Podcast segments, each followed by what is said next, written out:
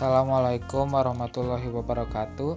Saya Reza Saifullah, mahasiswa Universitas Langlang Buana Bandung, Fakultas Ilmu Sosial dan Ilmu Politik kelas Ikom A1.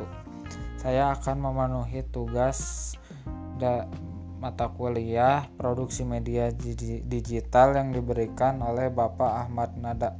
Saya akan mengsolo podcastkan tentang freestyle soccer yang ada di Bandung yang bernama NWAE Bandung.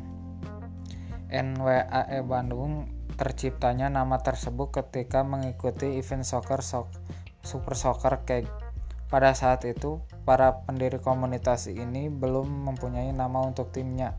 Dan secara spontan salah satu dari pendirinya mengucapkan kata naon wae lah ngaran tima tima timana mah apa saja nama timnya bebas dan pendirinya lain pun setuju mengambil nama unik dan nyentrik. Tujuan didirikannya komunitas ini untuk menyebarluaskan sindrom freestyle soccer yang terbilang masih minim digandrungi oleh masyarakat Bandung.